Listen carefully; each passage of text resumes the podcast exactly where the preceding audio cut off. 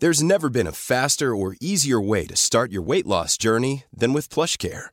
PlushCare accepts most insurance plans and gives you online access to board-certified physicians who can prescribe FDA-approved weight loss medications like Wigovi and Zepbound for those who qualify. Take charge of your health and speak with a board-certified physician about a weight loss plan that's right for you. Get started today at plushcare.com slash weight loss. That's plushcare.com slash weight loss. plushcare.com slash weight loss. Mom deserves the best, and there's no better place to shop for Mother's Day than Whole Foods Market. They're your destination for unbeatable savings, from premium gifts to show-stopping flowers and irresistible desserts. Start by saving 33% with Prime on all body care and candles. Then get a 15-stem bunch of tulips for just $9.99 each with Prime. Round out Mom's menu with festive rosé, irresistible berry chantilly cake, and more special treats. Come celebrate Mother's Day at Whole Foods Market. Life is full of what ifs. Some awesome, like what if AI could fold your laundry? And some, well, less awesome, like what if you have unexpected medical costs? United Healthcare can help get you covered with Health Protector Guard fixed indemnity insurance plans. They supplement your primary plan to help you manage out of pocket costs. No deductibles, no enrollment periods, and especially no more what ifs. Visit uh1.com to find the Health Protector Guard plan for you. Veckans sponsor är Telia. Hos Telia samlar man mobil, bredband, IT-support, mobilväxel, allt som gör företagande enkelt. Och det är just det här att samla allt på ett ställe, att ha någon att vända sig till när det inte fungerar, det är Telia. Ett exempel på vad som inte är Telia, det är ju som när jag lyckas boka förmötet för en poddinspelning med Finansinspektionen till efter själva inspelningstillfället. Eller när jag här, här året var liksom, fick för mig att jag skulle börja springa, så jag är liksom ute och springer taggad, träffar en kompis som säger så du Jan, på måndag ska jag springa ett lopp. Och jag känner så här, ja men det låter inspirerande, så jag käkar pasta, jag byter om, tar mig ner till Malmö stadion för att göra en efteranmälan, står där i kön och sen så när jag liksom anmäler mig så tittar de på mig och säger så här, du Jan, vårhuset är bara till för kvinnor. Och eh, det var, det var typisk en situation som inte är Telia. Oavsett, ett stort tack till Telia som sponsrar, gör Rika Tillsammans möjligt, men framför allt tack till dig som lyssnar, följer och eh, hänger med oss varje vecka. Men det är ju det som gör sparande och investerande både så himla roligt och frustrerande, att något av det som är absolut viktigast för vår avkastning har vi ingen kontroll över, utan vi behöver hantera det på helt andra sätt. Du lyssnar på Rika Tillsammans-podden som handlar om allt som är roligt med privatekonomi. I den här podden får du varje vecka ta del av konkreta tips, råd, verktyg och inspiration för att ta ditt sparande och din privatekonomi till nästa nivå på ett enkelt sätt. Vi som gör den här podden heter Jan och Caroline Bolmesson. Idag är dags för avsnitt 257 och eh, jag satte titeln, idag den är lite stulen, eh, men den heter så här, inte ens Gud slår regelbundet sparande, men hen får ändå sista skrattet. Och du, och du läste det som att inte ens eh, guld... Guld slår regelbundet sparande, så jag bara shit vad konstigt, det är ändå en, inte så som jag hade trott. nej, nej det, det är det inte eh, då. Men det var Gud. Inte ens Gud, ja. Ja. Eh, och eh, lite, lite så här, så dagens avsnitt är ju fort, en liksom fortsättning vad som säger eh, Just Keep Buying, eh, som bygger på den amerikanska bloggaren och författaren Nick Maggiulis bok eh, Just Keep Buying och hans blogg of Dollars and Data. Och idag så kommer vi prata om två stycken eh, koncept och varav ett är sånt här som jag har haft skitdåligt samvete för. Mm. Att vi liksom på fem år inte har lyft i bloggen för att, eller i podden för att jag har inte riktigt vetat hur vi ska angripa eh, det här problemet. Men idag så kände jag faktiskt att jag fick till det lite, med lite Ja, vad inspiration. skönt. Eh, Och vad är det då? Nej, men det heter eh, Sequence of Return Risk, eller Sequence of Risk brukar jag förkorta ibland. Men kommer du ihåg att vi hade den här 4% regeln pratade vi om här för något avsnitt om när vi sa hur mycket pengar behöver man till pension? Ja. Eh, och, eh, men liksom det som vi inte har pratat om är att eh, liksom så här, vilken, eh, vilken avkastning man får i vilken ordning spelar väldigt stor roll. Så att även om vi brukar säga så här 7 i genomsnitt per år, hur vi får fram det där 7 i genomsnitt spelar väldigt stor roll. Så att jag kommer förklara Ja, du kommer det. förklara det sen. Ja. Ja, Vad bra. eh, men, men det, är, det är en risk som är så här, det är en risk som vi inte kan göra så mycket åt, utan det är bara så här, lev med det. Liksom. Så här, okay, om om jag, du får till exempel eh, tre år, det ena av året får du plus 29 som förra året, sen får du minus 5 och sen får du plus 10, så spelar det stor ordning om det är 29 minus 5 plus 10 eller minus 5 plus 10 plus 29. Alltså Mm. ordningen som de här kommer, alltså sekvensen av ja, din avkastning spelar roll. Eh, så det kommer vi prata om. Mm. Jätteviktigt framförallt för de som går i pension. är Ja, för de vill ju ta ut på, på toppen då på något Ja, för att vis. man har ackumulerat som mest kapital när man är 65 Ja. och då spelar det roll om du får en hög eller låg avkastning när du är 66 och framåt. Ja, men det Ja. var faktiskt det jag tänkte, men det var ju ändå så komplicerat i mitt huvud så att det kändes Ja. som jag Ja. inte kunde Ja, sätta alltså, ord på det. så det kommer vi prata om och eh, det är konceptet eh, generational luck eller generationstur. Och sen så kommer vi fortsätta på förra avsnittet, 256, eh, det som handlade om om man, om man har en klumpsumma pengar, ska man investera allt på en gång eller ska man sprida ut över tid? Och så var det ett tredje alternativ som vi inte pratade om. Ja. Utan då sa vi så här, okej, det, det statistiskt korrekta svaret är investera allt på en gång. Det känslomässiga svaret är kanske sprida ut över tid, men det bästa egentligen är investera allt på en gång, men sänk risken. Ja, Men då är det alltid ett logiskt så här, ja fast vet du vad, jag har kommit på ett fjärde alternativ som är mycket smartare än alla andra. Och det är så här, jag har pengarna på kontot tills kraschen kommer och när kraschen kommer, då investerar jag liksom det, det beloppet. ja, och det är ju om man har tänkt efter lite och hängt med på i, i ekonomivärlden, för annars, de flesta vill ju inte ens vara med då när Nej. kraschen kommer, för att Det blir sådana rubriker och drama i media kring Ja. det, att man ska inte man tänker vara inne det- då liksom, på Och- marknaden. Precis, och, och då kommer ju liksom det här resonemanget med Gud, för Mm. att vi kommer leka Gud i dagens eh, avsnitt, där vi vet exakt vilket datum som kraschen kommer. Och så kommer vi leka leken att vi investerar verkligen som Gud på botten och så ser vi om den strategin funkar. Och, och rubriken då på denna, detta avsnittet var Inte ens Gud slår långsiktigt sparande. Ja, så att, Mm. ja, tack för att du avslöjar vart, vart vi är på väg. Nej, men, nej, jag avslöjar inte det, utan jag tänker mer som att hur ska, hur ska Gud fejla detta? Liksom? Ja, men Gud kommer att faila. Ja. Så, så att vi, vi, men det, det kommer vi prata om. Så Mm. att det blir liksom två delar, det är två olika kapitel eh, och sen som vanligt, allt detta står inte i Nicks bok. Jag rekommenderar alla att läsa Nicks bok, men här gör vi liksom avstamp till flera av hans bloggartiklar, hans bok, eh, han, eh, rapport från Vanguard, eh, lite gammal data och lite sånt. Ja. Så att som, som vanligt är Ja. detta en sammanställning. För nu, det är inte personlig rådgivning eh, heller, ska sägas, utan det är en allmän information. Man får läsa mer på riketsammans.se Men får jag bara fråga om boken, för nu har jag ju inte läst den, men tycker Ja. du att engelskan är okej, svår eller lätt? Liksom? Ja, du har ju läst ganska mycket av eh, liksom alltså, citat. jag har läst mycket. Det absolut. jag, skulle, jag tycker inte engelska är en utmaning för mig, men du rekommenderar alla att läsa den.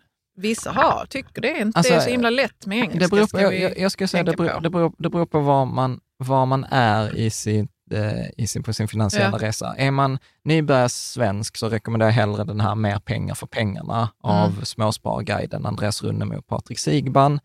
Eh, Men om man har läst de flesta böcker, den är ju relativt ny, den släpptes ju nu 2022. Så att eh, jag gillar, alltså, jag- alltså jag gillar ju den så mycket att vi har, vi har ägnat sju avsnitt åt den. Och vi har, jag tror Ja. vi har ett avsnitt kvar i Ja. den. Liksom. Ja. Ja, Eh, ja, det säger en del. men engelskan är medelsvår. Den är inte jätteenkel. Man behöver liksom kunna en del facktermer och, Eller sånt. Ha ork att ta reda på. Ja, precis. Jag tror Mm. inte det finns någon svensk översättning än. Nej. Vi får se. Men sen vill jag som vanligt säga ett stort tack till våra sponsorer och våra sponsorer är ju ni som lyssnar, eller ganska många av er som lyssnar och följer oss, som är med i vår Patreon-community, som gör att vi kan liksom nörda här, som till exempel idag har jag suttit och räknat på den genomsnittliga avkastningen per decennium på den Stockholmsbörsen. Det har jag lagt lite tid på. Eh, och som gör detta möjligt att vi inte behöver liksom ha massor gäster eller som köper in sig i avsnitten och sånt. Så att jag uppskattar det jättemycket, att vi kan göra det som alltså så här, på riktigt spelar roll för oss när vi investerar själva. Detta är många av de grejerna vi pratar om idag, har jag nytta av när vi investerar våra pengar och förhoppningsvis har även eh, du som lyssnar på detta. eh, Men jag tänker också, ja, när vi säger att vi inte behöver, alltså att vi inte behöver ehm, reklam. reklam, så är det ju ändå så att vi har det ju ibland. Ja, Och då är det. Bara det som vi absolut kan stå för. för själva. Ja. Ja. Precis. Vi har ju historiskt haft då, så här, fails Mm. med så här. Ja, men det behöver vi inte prata om nu. Men också, det ska inte bara vara välgörenhet för dig som lyssnar eller tittar. Så att vi, i communityn så har vi liksom under våren haft ganska många digitala träffar. Eh, vi har eh, liksom haft eh, börs på besök, vi har haft investmentbolags på besök. Eh, senast nu I Love Lund eh, för någon vecka sedan. Vi har eh, pratat, vi ska prata om kaffe, så att det är högt Ja, och och det lågt. har jag anmält mig till. Och sen är det ju också Bokklubb. bokklubb. Ja, vi har det har faktiskt också för dig, som, till. För dig som lyssnar detta innan juli 2022, vi kommer ha bokklubb i slutet av juli och i början av augusti. Då kommer det handla om Atomic Habits, kommer vi diskutera av James Clear, som är en jättebra bok, rekommenderar även om man inte är med i vår På bokklubb. svenska heter den 1%-regeln. principen eller Ja, 1%-regeln. Mm. Och sen faktiskt en eh, som Helena, en av våra kompisar som har varit med i podden, rekommenderar Ishmael, eh, som är lite så speciell bok. Och när jag skrev om det i communityn så var det en annan läsare som skrev så här, "Ja, men jag håller lite låg profil, men jag rekommenderar att läsa den boken. Det finns ett före och efter den boken. Jag har inte läst den. Före och efter Ja, den. och så- jag ser fram emot Ja, detta. och så alltså. skrev han så här, detta är en, och då vet jag att han läser mycket böcker, han är väldigt klok. Och då skrev han också så här att, eh, ja men detta är en av mina topp fem böcker när det gäller disruptivt tänkande. Det var så här bara, coolt. Wow, Ja, så att, Ishmael alltså. ja, så att communityn röstade ner boken totalt, att vi jo, inte men skulle ja, det är inte läsa så den. konstigt därför att vårt community kan jag tänka mig ändå består mycket av eh, människor som vill nörda lite extra kanske kring ekonomi och så. Ja, eller, och kanske, eller prestation, eller eller vara prestation, ja, duktiga i eller liksom få ett effektivare liv och så. Och Ja. då kanske Ishmael inte den, Platsa. kunde inte, den klarade inte sig mot den procentregeln eller den Atomic Nej, Habits. Så att, så att i sommar blir det två böcker. Japp. Ishmael och Atomic Habits, för dig som vill vara med. Snyggt! Då tänker jag, och vill man eh, vara med så patreon.com snedstreck rika tillsammans. Eh, eller Ja. det finns alltid en länk i beskrivningen. Eh, och man kan välja, om man klickar in där, tycker man så här, "Ö, 75 kronor i månaden exmos för mycket, då kan man trycka på anpassa ditt stöd och sen så kan man välja ett annat belopp. Det går jättebra att vara med på 10 kronor, eh, så är du med på bokklubben i juli om du vill det. Mm. Snyggt! Men då tänker jag, då kör vi igång boken. Sen brukar vi då sammanfatta liksom principen och eh, då sammanfattar eh, då Nick kapitel 14 med så här, invest as often as you can. Så kan du läsa vad han skriver sen. Ja. If you think you can time the market by saving up cash, think again. Even God couldn't beat dollar eh, cost averaging. Och det ska faktiskt sägas, det var så här jag hittade Nick Maggiuli för tre år sedan, eller fyra år sedan, 2018, på tips av en finansiell rådgivare som skrev så här, titta här när det gäller marknadstiming, inte ens Gud kan eh, tajma marknaden. Och så var jag så här, jag måste läsa detta. Och det var starten på min och Nicks relation. Men då var det i alla fall så här, så då börjar han med ett tankeexperiment. Och tankeexperimenten låter så här, så låt oss leka att eh, vi har ett experiment där vi påbörjar vår sparkarriär någonstans slumpmässigt mellan 1920 och 1980 på den amerikanska börsen. Och så ska vi investera i 40 år. Det vill Ja. säga att ett pensions... Jag är 20 år gammal någon gång mellan 1920 och 1980. Jag ska gå i pension då eh, senast 2020, men liksom en 40-årsperiod efter, efter starten. Och jag har två strategier jag kan välja mellan. Att jag sparar då 100 US-dollar i månaden eller typ 1000 kronor i månaden i 40 år. Eller så är det så här, jag köper på bottenstrategin eller jag väntar på kraschen eller på engelska som det heter, buy the dip. Ja. Eh, och då sparar jag 1000 kronor på ett konto och sen köper jag bara när marknaden bottnar. Och då, då är det enkelt att säga så här, marknaden bottnar när det inte är rekord. Men för att göra experimentet liksom ännu mer intressant så säger man så här att eh, du får dessutom vara liksom den omnipotente guden som vet när den absoluta botten mellan två toppar sker. Ja, Så- för det är ju annars grymt svårt Ja, att det, det, veta är. Det är, botten omöjligt. är. Ja, nej, men det är omöjligt. Men du, du får, så att när du köper på botten så får du absolut lägsta möjliga Ja. pris. Mm. Då. Den enda regeln då, liksom som begränsar för att det inte liksom ska, ska funka, eh, det är att du inte får sälja aktierna, utan när du väl har köpt dem så får du behålla dem till slutet av, strategi, eh, till slutet av de här 40 åren. Ja, med? Så, så vi, vi, vi Okej. pratar bara så här, Det är alltså sån... Ja, så, det, det, så att det är inte, det är inte liksom en fråga kring så här, åh gud, tajmar, marknaden köper på botten och säljer på toppen, utan vi är fortfarande i problemet, jag har en klumpsumma pengar eller jag ska månadsspara, ska jag sätta in allt på en gång eller ska jag sprida ut över tid? Ja. Det är fortfarande det problemet vi försöker lösa. Vi försöker inte skapa någon investeringsstrategi, utan Nej. det är en in i marknaden strategi vi pratar om. Okej?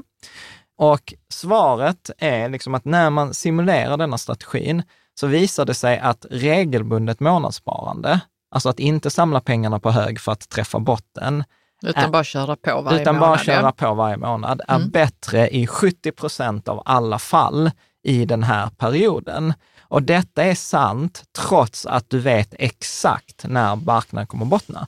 Och detta är ointuitivt. Jag ser det på dig. Berätta, vad tänker du? Nej, men jag tänker att eh, det är jättekonstigt ju. Om jag får ett billigare pris Ja, så borde det vara bättre ja, för att aktien går upp över tid, eller aktierna. ja, precis. Jag fattar inte hur det kan vara bättre i 70 procent att bara köra in den när, pengarna när som helst regelbundet. Ja, det men, men vi kommer. men vänta, jo det kanske jag kan. Ja, vi- Jag kör du. Därför att det är mer regelbundet än om, För det kan ta väldigt lång tid innan den där dippen kommer. ja, för man tänker annars att dippen kommer regelbundet, men den gör inte det. Nej. Nej. Och tittar vi på stora krascher så har vi typ bara haft det 1930 eller liksom 29. Vi har haft det typ eh, på jag tror 70-talet, eh, 2000. Är Ja. Så att så här riktiga krascher då de här har överpresterat, det händer väldigt sällan eftersom marknaden, som vi pratade om i förra avsnittet, vi har en förväntan om att marknaden över tid ska gå upp. Mm. Eh, liksom. Och det betyder liksom i detta att inte ens Gud slår regelbundet månadssparande, trots att vi vet när detta händer. Och om vi, vi, ska, vi ska titta på lite grafer kring det här och bara ha lite resonemang. Men även om, liksom, mm, liksom, om vi ska säga så här, jag har inte den här gudalika tajmingen, utan jag är lite full som Gud, så jag missar botten med kanske en eller två månader. Men, Ja. Vilket ändå skulle sägas är sagolik tajming. Ja. Är det med så här, jag Ja. investerar alltid inom två månader från kraschen, alltså bara, oh yeah. Men då blir regelbundet månadssparande bättre än 97 procent av alla fall. Med? Så det, det är helt bisarra sannolikheter. Ja. Och, och anledning till detta, då har han liksom plottat eh, detta. Och eh, då tittar vi liksom då till exempel på amerikanska börsen då mellan 1990 och 2020. Och tittar vi så, då hade vi en jättehög uppgång mellan eh, då slutet av 90-talet, 97 till 99. Då var det massa Mm. nya Mm. eh, rekord. Och sen liksom, det var små korrigeringar, då köpte man på sig. Men efter toppen då 2001, så var där ingen ny botten, alltså innan ett nytt rekord från 2010. Nej. Så då hade man liksom suttit utanför marknaden i tio år. Är du med? Ja. Och, det, och, och då blir det liksom det här månadssparandet blir ju mycket bättre över den här tioårsperioden än att sitta på ett bankkonto och vänta på att okej, från eh, liksom botten mellan toppen 2001 och nästa topp eh, som skedde typ 2012, så var det en tioårsperiod då det bara var en botten. Mm. Är du med? Så att o- o- om man, Mm. om man tittar eh, på det, eh, så är det just den här liksom, tiden mellan bottnarna som, eh, som, är, Som är så, ganska som, är, som är så oförutsägbar och ganska lång. Mm. Och då har vi också, för, för dig som tittar på avsnittet eller läser, eh, ja de lyssnar ju inte på detta, men man kan titta på bildspelet om man Ja. tycker att grafen är viktiga. Men den visar egentligen bara här att vi har markerat ut topparna och bottnarna och visar så här att ja, men det hade gått en ganska lång period mellan man Men hade det investerat. det är alltså så att när man då tajmar de här bottnarna så kan inte ens det kompensera Ja. för att man är För- utanför för är marknaden Utanför marknaden. och, och man missar en uppgång då. Eller du missade regelbundet, för att om du köper regelbundet så rör sig marknaden upp och ner. Är med? Och där kommer, det kommer bottnar, men det går, det går ju generellt uppåt. Och köper du liksom både på vägen ner så får du extra skjuts på vägen upp, för du får fler andelar. När det är dyrt, då får du färre andelar. Men, och, och det andra är att du behöver liksom aldrig ens tänka eller vara frustrerad eller tänka hur mycket pengar eh, liksom du samlar Nej. på sidan. Nej. Så att just det här eh, liksom att om du har en klumpsumma så ska den investeras så fort som möjligt och sen liksom pengar som ska in, alltså som du tjänar från din månadslön. Alltså det är det vi pratar om, det regelbundna sparandet. Så det är inte så att vi pratar, och förra avsnittet så sa vi allt på en gång och nu pratar vi sprid ut över tid. Nej, nej, nu pratar vi om alltså att jag genererar nya pengar fram tills jag går i pension, alltså jag sparar av mina löpande inkomster. Och av de löpande inkomsterna jag tjänar så är det mer rätt att sätta in dem direkt också, ja. än att samla dem på en hög och sen försöka investera dem. Eh, så problemet som sagt är eh, att bottnarna är sällsynta, marknaden går upp över tid och därför är det bättre med att, liksom, när du får nya pengar, investera dem direkt än att samla dem på hög. Mm. Och, och tittar vi då mellan alla de här eh, 1920 och, 2000, och 1980, så ser vi att det är i princip bara 1929 eh, och eh, typ 1900, ja, slutet av 30-talet, då det var bättre att eh, köpa på botten. Och det var ju för att bottnarna var så extremt låga i förhållande till, till hur marknaden gick. Men, men som sagt, vi har på hundra år haft tre sådana bottnar. Mm. Mm. Mm. Eh, bra. Så, eh, så från Nicks eh, hemsida, om vi citerar, nu citerar vi inte boken utan nu... Nej, det är från hemsidan. Ja. My point in all of this is that by the dip, even with perfect information, typically underperforms DCA. Och DCA är då dollar cost averaging, regelbundet mm. sparande. So if you attempt to build up cash and buy at the next bottom, you will likely be worse off than if you had bought every month. Why? Because while you wait for the next dip, the market is likely to keep rising and leave you behind. What makes the, uh, the buy the dip strategy even more problematic is that we have always assumed that you would know when you were at every bottom you want. Mm. I ran a variation of buy the dip where the strategy misses the bottom by two months. And guess what? Missing the bottom by just two months leads to underperforming uh, dollar cost average 90%, uh, 97%. 97% of the time. So even if you're somewhat decent at calling bottoms, you would still lose in the long run. Ja, och sen är det det sista här nu. I wrote this uh, post because sometimes I hear about friends who save up cash to buy the dip when they would be far better off if they just kept buying. My friends do not realize that their beloved dip may never come. And while they wait, they can miss out on months or more of continued compound growth. Compound growth är väl ja, ränta, på ränta. ränta ja. ja, mm. precis. Mm. Eh, liksom. Så att, så att mm. jag, jag tycker att liksom detta gör det liksom ganska tydligt att liksom den här strategin som många håller på, ah, men jag sparar pengar till botten. Jag så här, vi vet inte när den kommer, utan det bästa är så här, regelbundet månadssparande liksom, for the win. Och sen, som vi har pratat om tidigare, avsnitt 99 och 238, spara så brett som möjligt. Så att jag gillar, jag, jag, älskar ju det här att i liksom tre ord som är så här, just keep buying, eller som vi säger i avsnitt 99, som folk ibland upplever så här, ja men det är förenklat, eh, liksom, kan det verkligen vara så här, mm. investera allt på en gång, regelbundet månadssparande. Ja men där ligger väldigt mycket bakom. När jag säger en sån grej så har jag i bakhuvudet de här artiklarna, så här, nej men du kan inte tajma eh, marknaden. Nej, även om du visste när botten inträffar, så är det bättre med ett regelbundet sparande. Är det en garanti? Nej, det är det inte. Vi har liksom 70 70 procent sannolikhet och missar man botten med två månader så är det ändå 97 procent sannolikhet. Så det finns aldrig några garantier, men man kan ta oddsen ganska mycket för en själv. Mm. Liksom. Så att den här liksom så sjukt enkla strategin, bara så här, investera i en indexfond så regelbundet, så långsiktigt, så billigt som möjligt. Där, där är sjukt många lager, där är sjukt många nyanser i det där tipset. Ja, som låter så enkelt. Men är det inte också Nobelpristagaren, eh, vad heter han nu? Pharma. Eh, Pharma som pratade om det. Att, jo, eh, men de flesta, alltså, de flesta kommer ju fram till detta empiriskt. Alltså mm. det är mm. få som lägger den här tiden och göra mm. de här simuleringarna. Men jag gillar ju så här när man kommer fram till det liksom empiriskt, anekdotiskt och simuleringsmässigt då, då får man ett ganska starkt case för att, ja men liksom det är, det är så det funkar. Och sen lite som Jonathan Stolzenberg, en kompis till oss, eh, som var med i Patreon-communityn, som brukar säga så här att lita aldrig på någon som inte kan förenkla ett ämne väldigt, väldigt mycket, men som inte heller kan göra det mer komplext och visa på nyanserna. Mm. Och, och, det är precis det vi gör här, att liksom i det sitt enklaste, så här, köp en indexfond, spara regelbundet, gör det så billigt som möjligt. Det är ju den enklaste varianten. Men nyansen är här, ja vi kan prata om varför regelbundet. Jo, för att det är bättre, även om du vet datumet för bottnarna.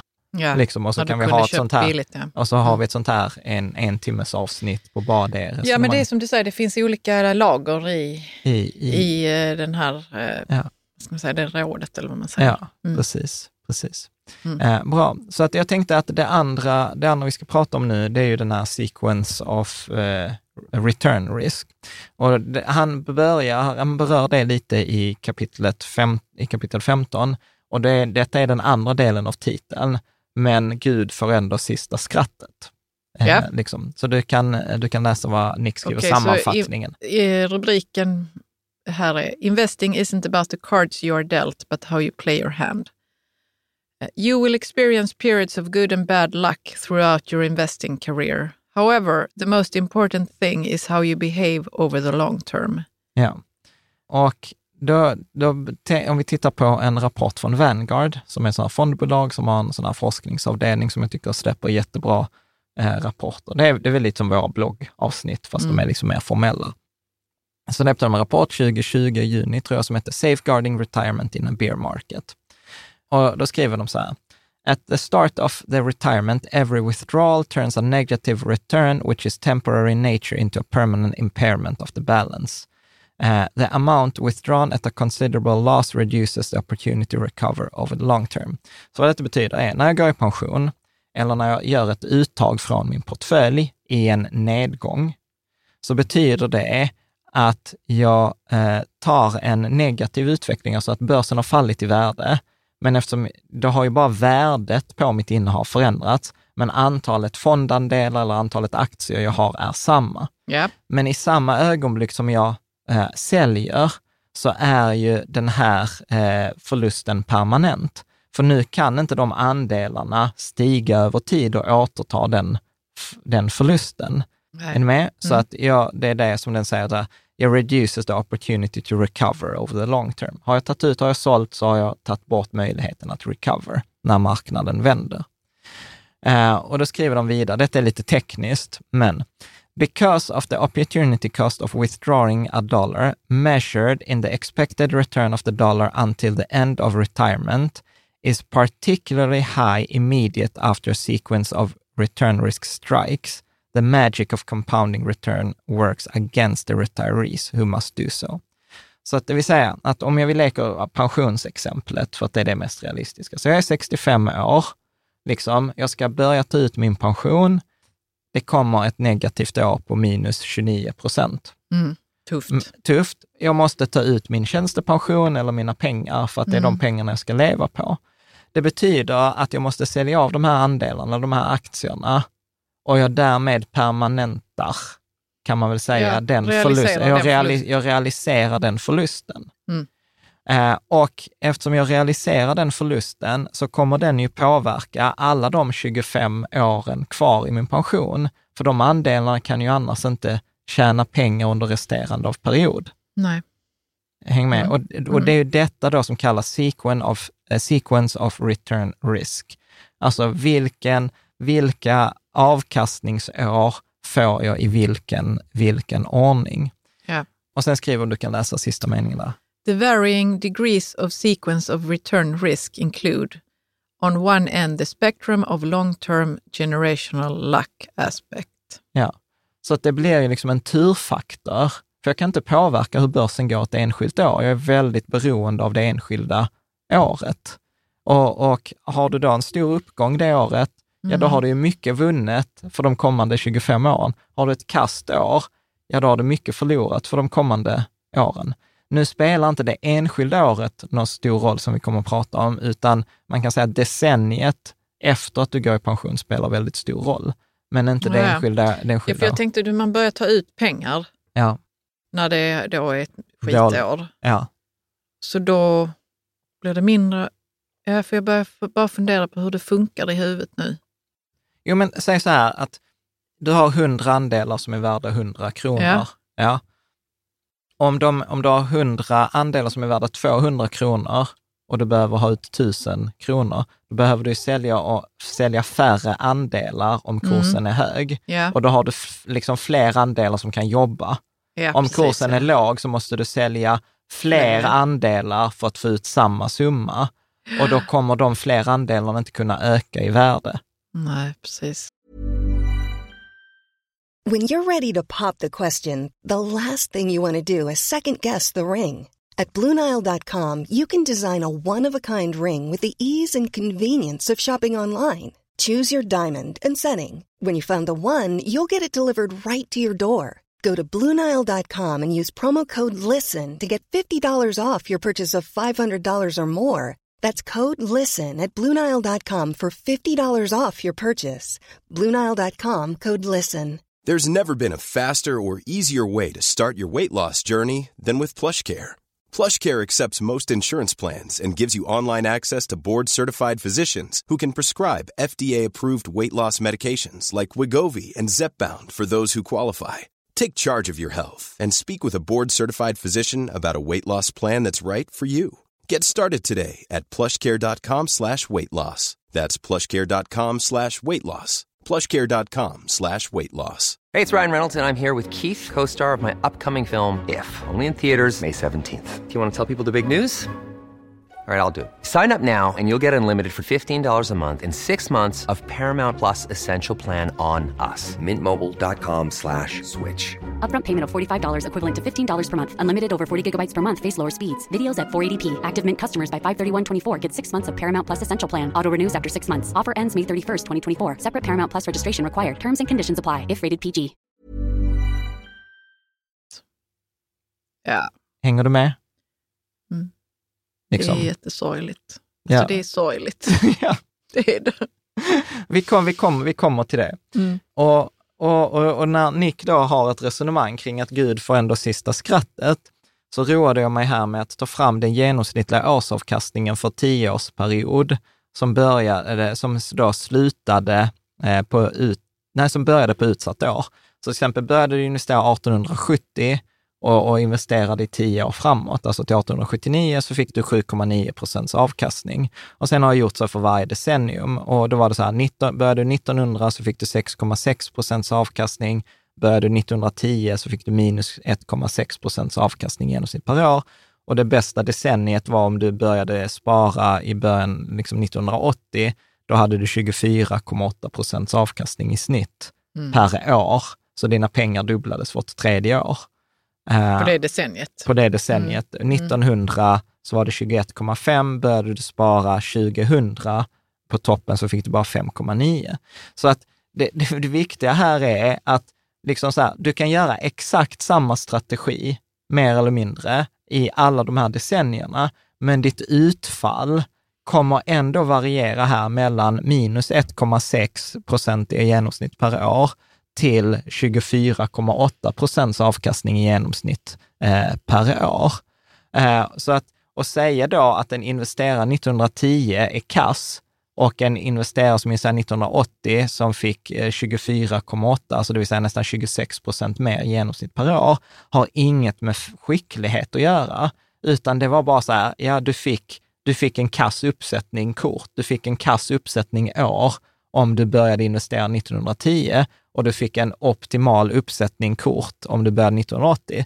Typ som i poker, att 1980 var det som att få två S, medan började du 1910 så var det som att få en tvåa och en sjua. Ja, precis. Nej, men så, så man kan säga att det beror på vilken hand marknaden väljer att ge mig. Så liksom så här, hur många nedgångsår får jag? När i tiden får jag dem? Vilken ordning får de? Får de tidigt? Får jag dem sent? Hur stora blir de? Och liksom naturligtvis vice versa för uppgångsåren. Hur många får jag? När får jag dem? Hur stora, hur stora är liksom uppgångarna? Och, och om, man tar, om man tar det till sin extrem, alltså om man lite cherrypickar i, i data, datan, så, så konstaterar man till exempel att uh, om man investerade i 20 år, då mellan 1960 till 1980 och 1980 till, 19, till 2000, så kommer du liksom på amerikanska börsen, så kommer du alltså eh, att tjäna mindre pengar om du slår index med 5 procent. Alltså slå index med 5 procent är grymt. Ja, det är... Liksom i genomsnitt i 20 år. Ja. Men du, slår, du, slår index i genomsnitt med, du slår index med 5 i genomsnitt i, i 20 år, från 1960 till 1980. Men du kommer ändå tjäna mindre pengar än någon som underpresterar index med 5% mellan 1980 och 2000. Är du med? Det är ja, helt det 5 bisarrt. per år då, tänker du? Ja, Ja. 5 procent så mot index. Så jag säger så här att du mellan 1960 och 1980 så överpresterar du mot index med 5 procent per år. ja. Men din slutsumma kommer ändå vara min, lägre än någon som är sämre än index med 5 procent per år i perioden 1980 till 2000. Mm. Är du med? Så samma, liksom så här, återigen, samma liksom investerare, liksom man kan inte säga så mycket om skicklighet för att du har den här påverkan av slumpen av hur marknaden har gått i den här perioden. Du ser fundersam Ja, ut. men, eh, ja, för att jag kanske, jag kanske missar något i början, men att slå index med 5% kan i vissa perioder ge sämre avkastning än att underprestera med 5 ja. Det är som att jag fattar inte detta. Jo, det, Eh, I vissa perioder, och den perioden ja, och så period... kan se ut hur... Då nej, det... nej, men så här Caroline. Mm. Mellan 1960 och 1980 Mm. så var genomsnittsavkastningen per år 1,9 procent. Ja, Ja. Om du lägger på 5 procent så har du haft en genomsnittsavkastning på 6,9. Ja. absolut. Har du samma belopp då och du jämför med någon i perioden 1980 till 2000, Mm. där genomsnittsavkastningen var 13 procent per år Mm. och som är 5 procent sämre, det vill säga någon som får 8 procent. 8 procent om året i 20 år är bättre än 6,9 procent om året i 20 år. Nu fattar jag. Okej, bra, jag är ledsen att du var otydlig. Ja, men det är, eh, Men det är lite så att... det är en väldigt dramatisk rubrik, men man måste nästan ha siffror på det för att förstå. Ja. Så, så Det, att, så liksom. att liksom, även liksom en skicklig investerare i en kass marknad Ja. kommer få sämre resultat än en kass investerare i en bra marknad. Det är ju det vi säger. Ja, och alltså nu har det ju varit en bra marknad eh, väl ett eh, tag, Ja, vi har haft en ganska bra marknad i liksom ett länge, antal, och det är alla år. har tyckt att det har varit Ja. gött. Liksom. Och sa, samma sak gäller ju liksom eh, eh, för, för den svenska marknaden, där jag jämförde, är ju att en, en bra investerare som slår index med 5% mellan 2000 och 2010, när vi hade både fin, IT-bubbla och finanskris, alltså en ganska tuff period, Mm. 2000-2010, kommer få då sämre avkastning än en kass investerare som underpresterar index med 5% mellan 1980 och 1990 eller 1990 och 2000. Ja.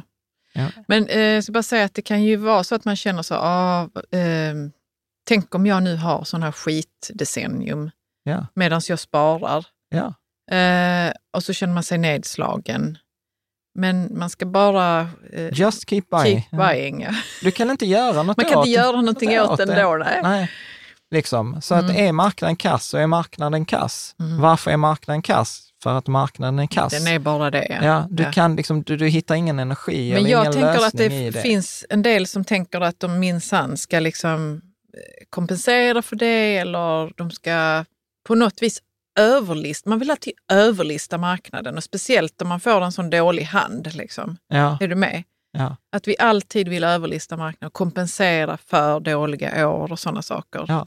Men, man, man blir ju frestad till det absolut. med sådana här stjärnaktier och allt möjligt. Ja.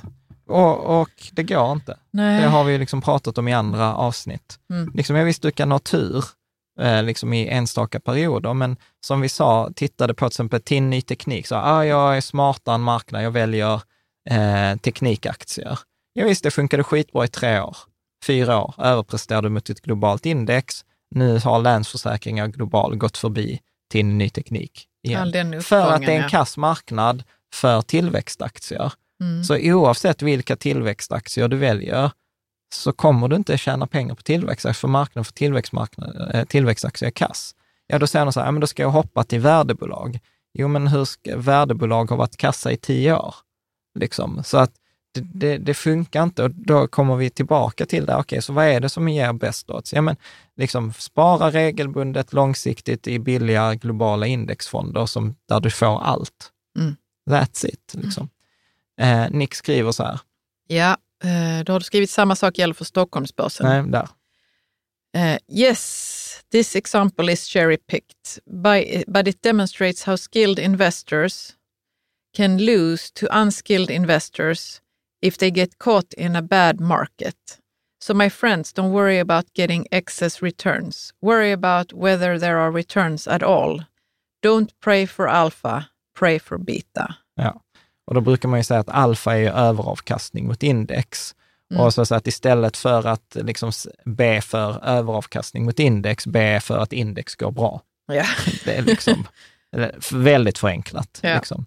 Och det är roligt för att detta är liksom ingen ny lärdom. Alltså om man tar Jesse Livermore som var aktiv för typ 100 år sedan, då skrev han en bok som heter Reminiscence of a Stock Operator. Och då skriver han så här. Yeah, I think it was a long step forward in my trading education when I realized at last that when old Mr. Partridge kept on telling the other customers, Well, you really know this is a bull market, he really meant to tell them that the big money was not in the individual fluctuations, but in the main movements.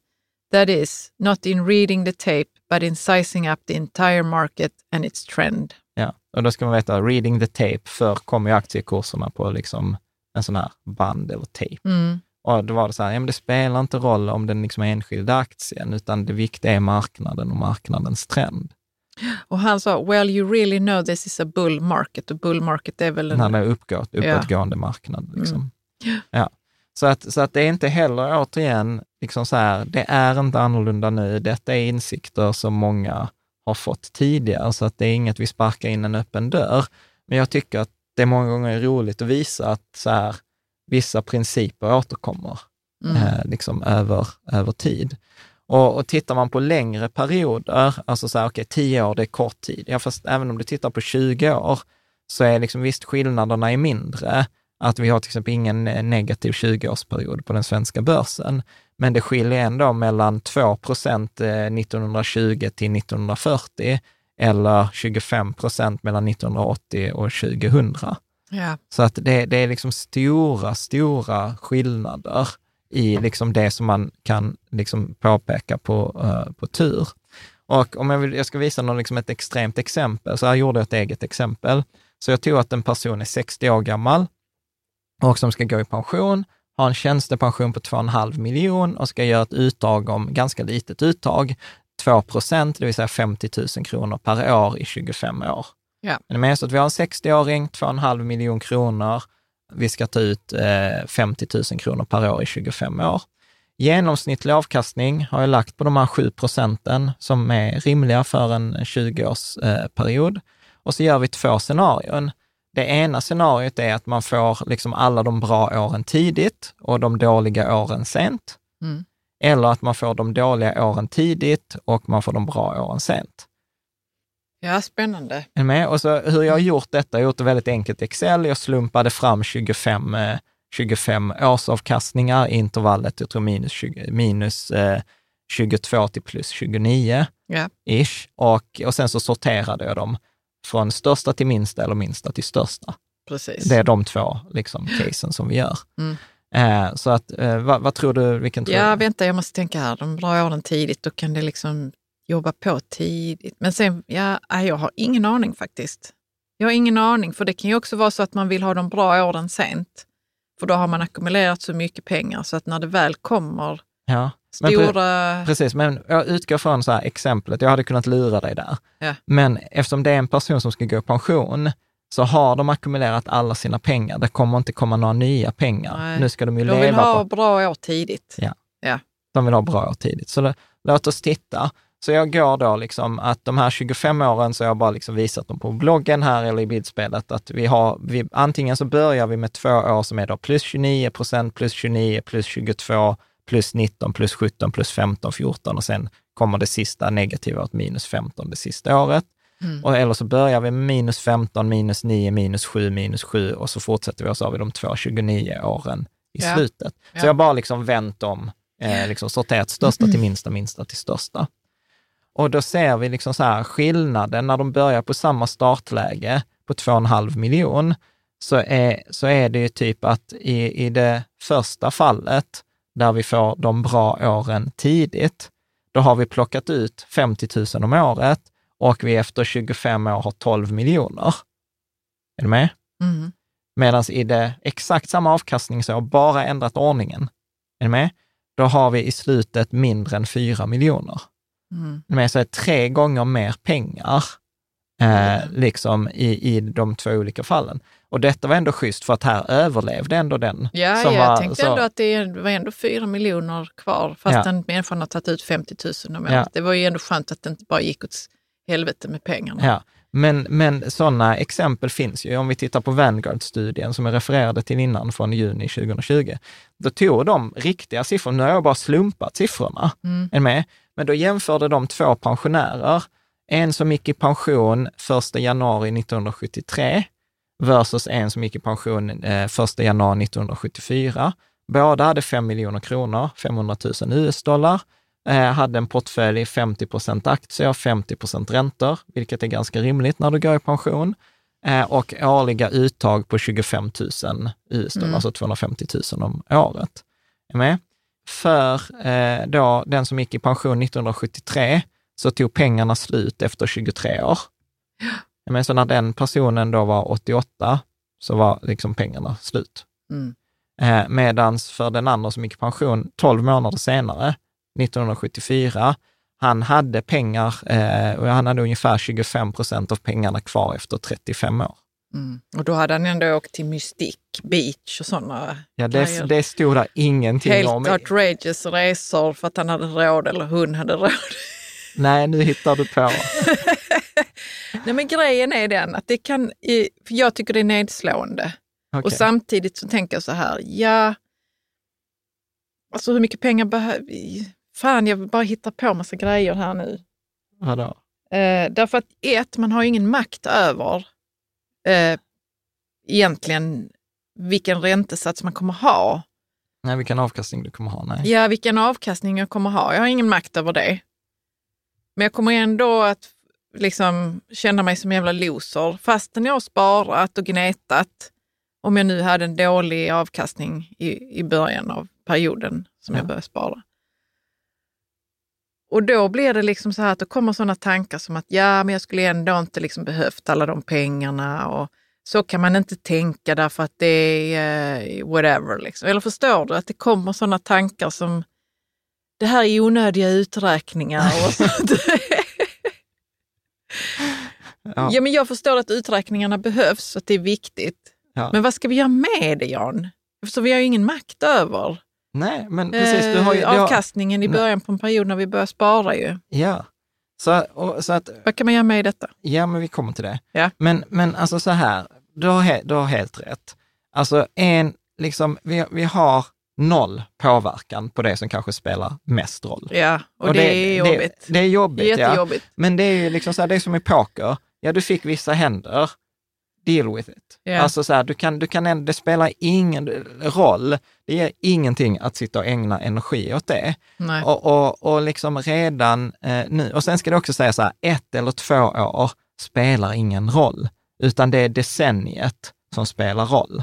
Bara så att vi är liksom så här. Eh, så att- Avkastningen per decennium. Ja, på det Mm. decenniet spelar mer roll. Och, och liksom så att till exempel det som blir, liksom som vi tar för dig som är 70-talist, det viktigaste decenniet i din sparkarriär kommer vara det mellan 2035 och 2045. Det viktigaste decenniet för mig kommer vara 2045 till 2055. Mm. Alltså så här mellan 30, vad ska jag säga, mellan 1940 och 1950. Det är de tio viktigaste åren whatsoever när det gäller vårt sparande.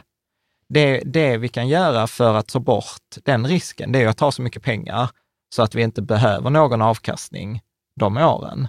Men det är ju orealistiskt för de flesta. Ja. Liksom.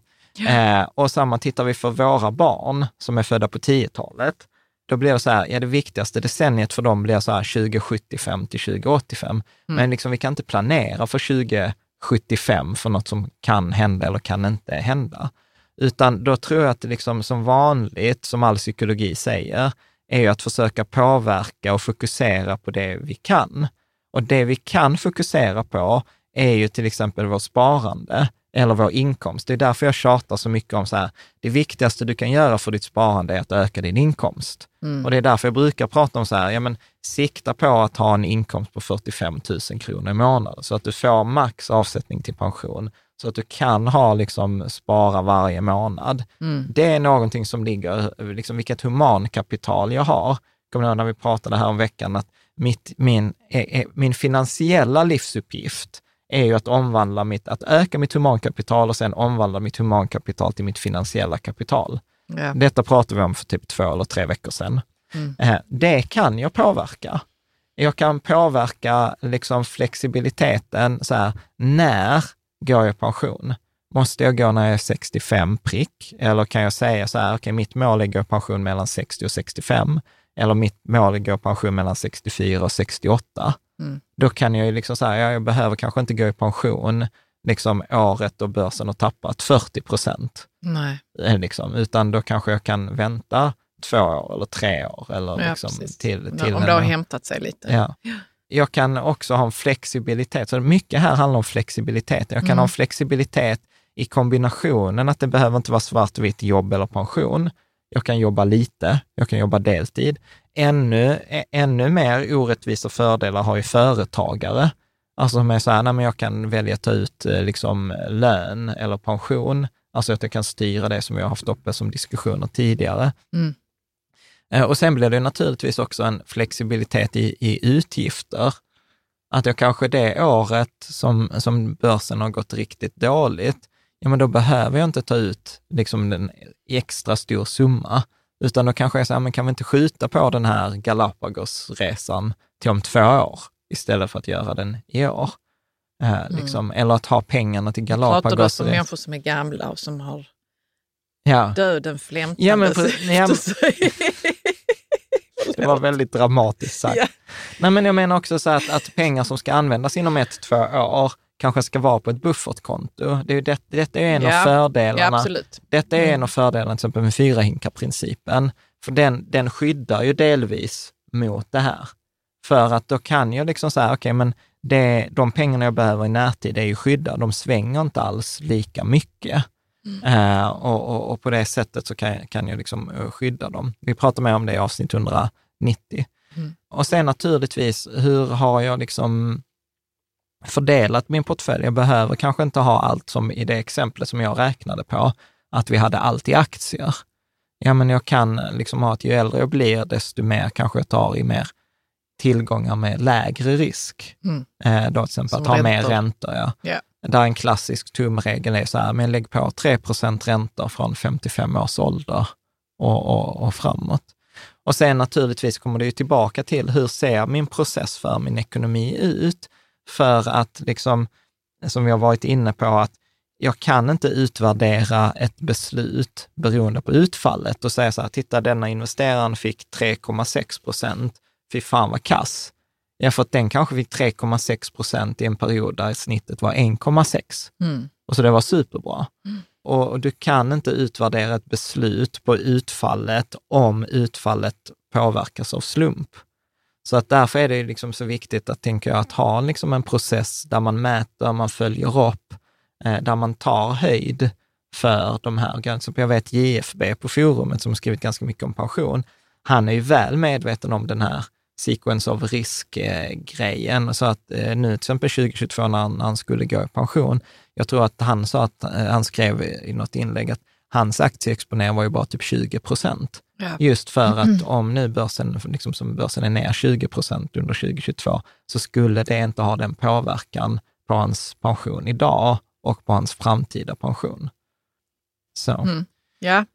så, så, så att, så att ja, det, det kommer, så här, om jag, om jag skulle liksom sammanfatta, det blir ett kort avsnitt idag, men om jag skulle runda av, att det är liksom inget nytt under solen, utan det är samma liksom så flexibilitet, anpassning, vara medveten om eh, liksom riskerna, men att, att se att ibland så påverkas, ju, påverkas vi i vårt sparande av saker vi inte har, alltså saker vi har noll påverkan, Ja. noll påverkan på. Liksom. Eh, och, och, och tyvärr så är det också så här, ju mer idag, att, som vi säger, att det mesta är korrelerat. Att liksom går USA ner, då går Europa ner. Går aktier ner, så går alla typer av aktier eh, ner. Nu 2022 så har ju det mesta gått ner, eh, inklusive till exempel krypto. Mm. Eh, liksom, så att det Som finns, skulle vara en... eh, ja, som vissa sa skulle vara ett skydd, men, men det blir ju sällan det. Så att jag tror inte att liksom, sitta och lyssna på det och tänka, åh, men du vet, jag kommer överlista mark, för då kommer jag hitta just den ön som kommer rädda mig. Mm. Du kan ha tur, absolut, eh, men jag tycker inte man ska ha en strategi baserat på tur. För det finns liksom fantastiska liksom, historier där, där motsvarande har bara liksom kraschat. kraschat och Mm. exploderat. Mm. Bra. Ja, men det blev lite kortare avsnitt än, än vad jag hade tänkt mig, men jag tänker att eh, vi kan ju runda av i alla fall. Mm. Vad tar du med dig? Nej, men jag tänker eh, eh, att, precis som vi sa, det är ju ändå en hel del som man inte kan påverka. Liksom. Ja, Som det där med de dåliga första åren och att Ja. man ändå ska fortsätta med sparandet i vilket fall. Men jag kommer tänka på att det är ungefär som det där barnsparandet som vi har pratat om innan. exakt. Att när man börjar spara, man kanske har fler barn, man börjar spara till de här barnen vid olika tillfällen. Precis, vi har ju ett avsnitt för länge sedan där vi pratar egentligen om sequence of return risk Mm. eh, implicit. Där, där, där rådet jag brukar ge är ju att man ska spara till, om man ska spara till barnen på ett rättvist sätt, så är det inte att spara till barnen i tre, har du tre barn i tre olika potter och sen börjar man den ena potten 2011, den andra 2015 och den andra 2018. Utan det är att spara till alla barnen i samma, i samma pott. Och anledningen till värdet med det där var att jag är född 81 och som vi pratade om innan, typ 81 till 2000 var ju typ den bästa börsperioden någonsin, när jag föddes. eh, Liksom. Ja. Så hade mina föräldrar sparat eh, en tusenlapp i månaden i 18 år, så hade det blivit typ 2,7 miljoner. Medan min bror som är född 85, som är då bara fyra år yngre, ha- hans period var ju mellan 85 och 2003. Så att då hade han fått ut typ 600 000.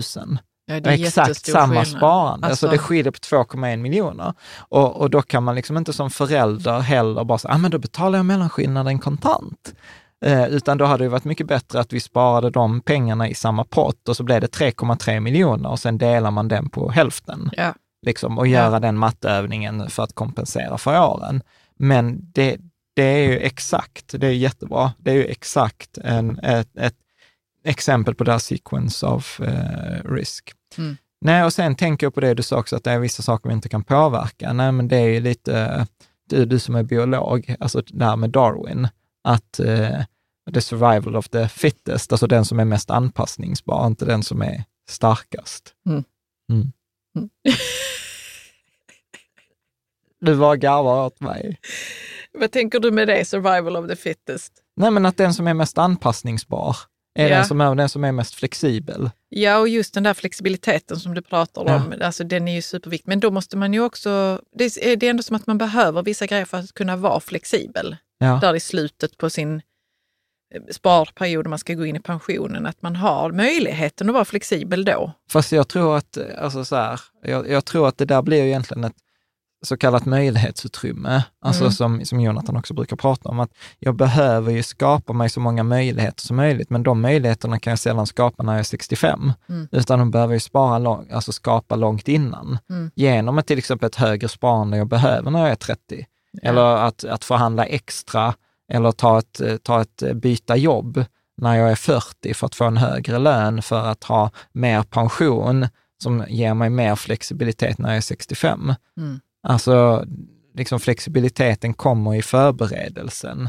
Och det är därför jag också är så här, det är bättre att du lyssnar på detta avsnittet när du är 30 än när du är 60. För du har liksom fler möjligheter att anpassa eh, eller korrigera. Jag lyssnar ju på, på James Clear, apropå det med Atomic Habits. Och han sa ju så här liksom att om ett flygplan ska åka från Los Angeles till New York, om det byter nosen två, var det, två och en halv grad i Los Angeles, så motsvarar det att nosen på en Boeing flyttades typ 2,3 meter. Alltså det var skillnaden. Men när den hade flugit över hela USA så var det skillnad om du landade i New York eller om du landade i Washington. Som var så flera hundra kilometers skillnad.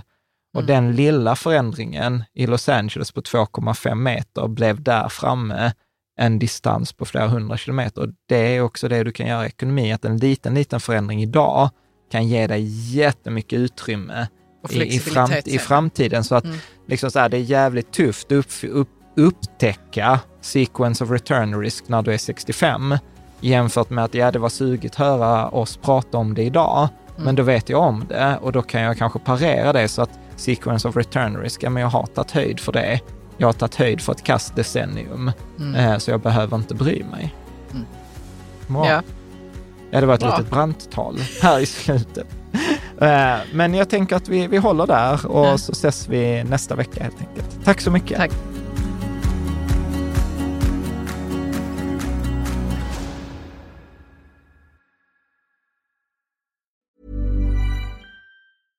Hey, it's Paige DeSorbo from Giggly Squad. High quality fashion without the price tag. Say hello to Quince.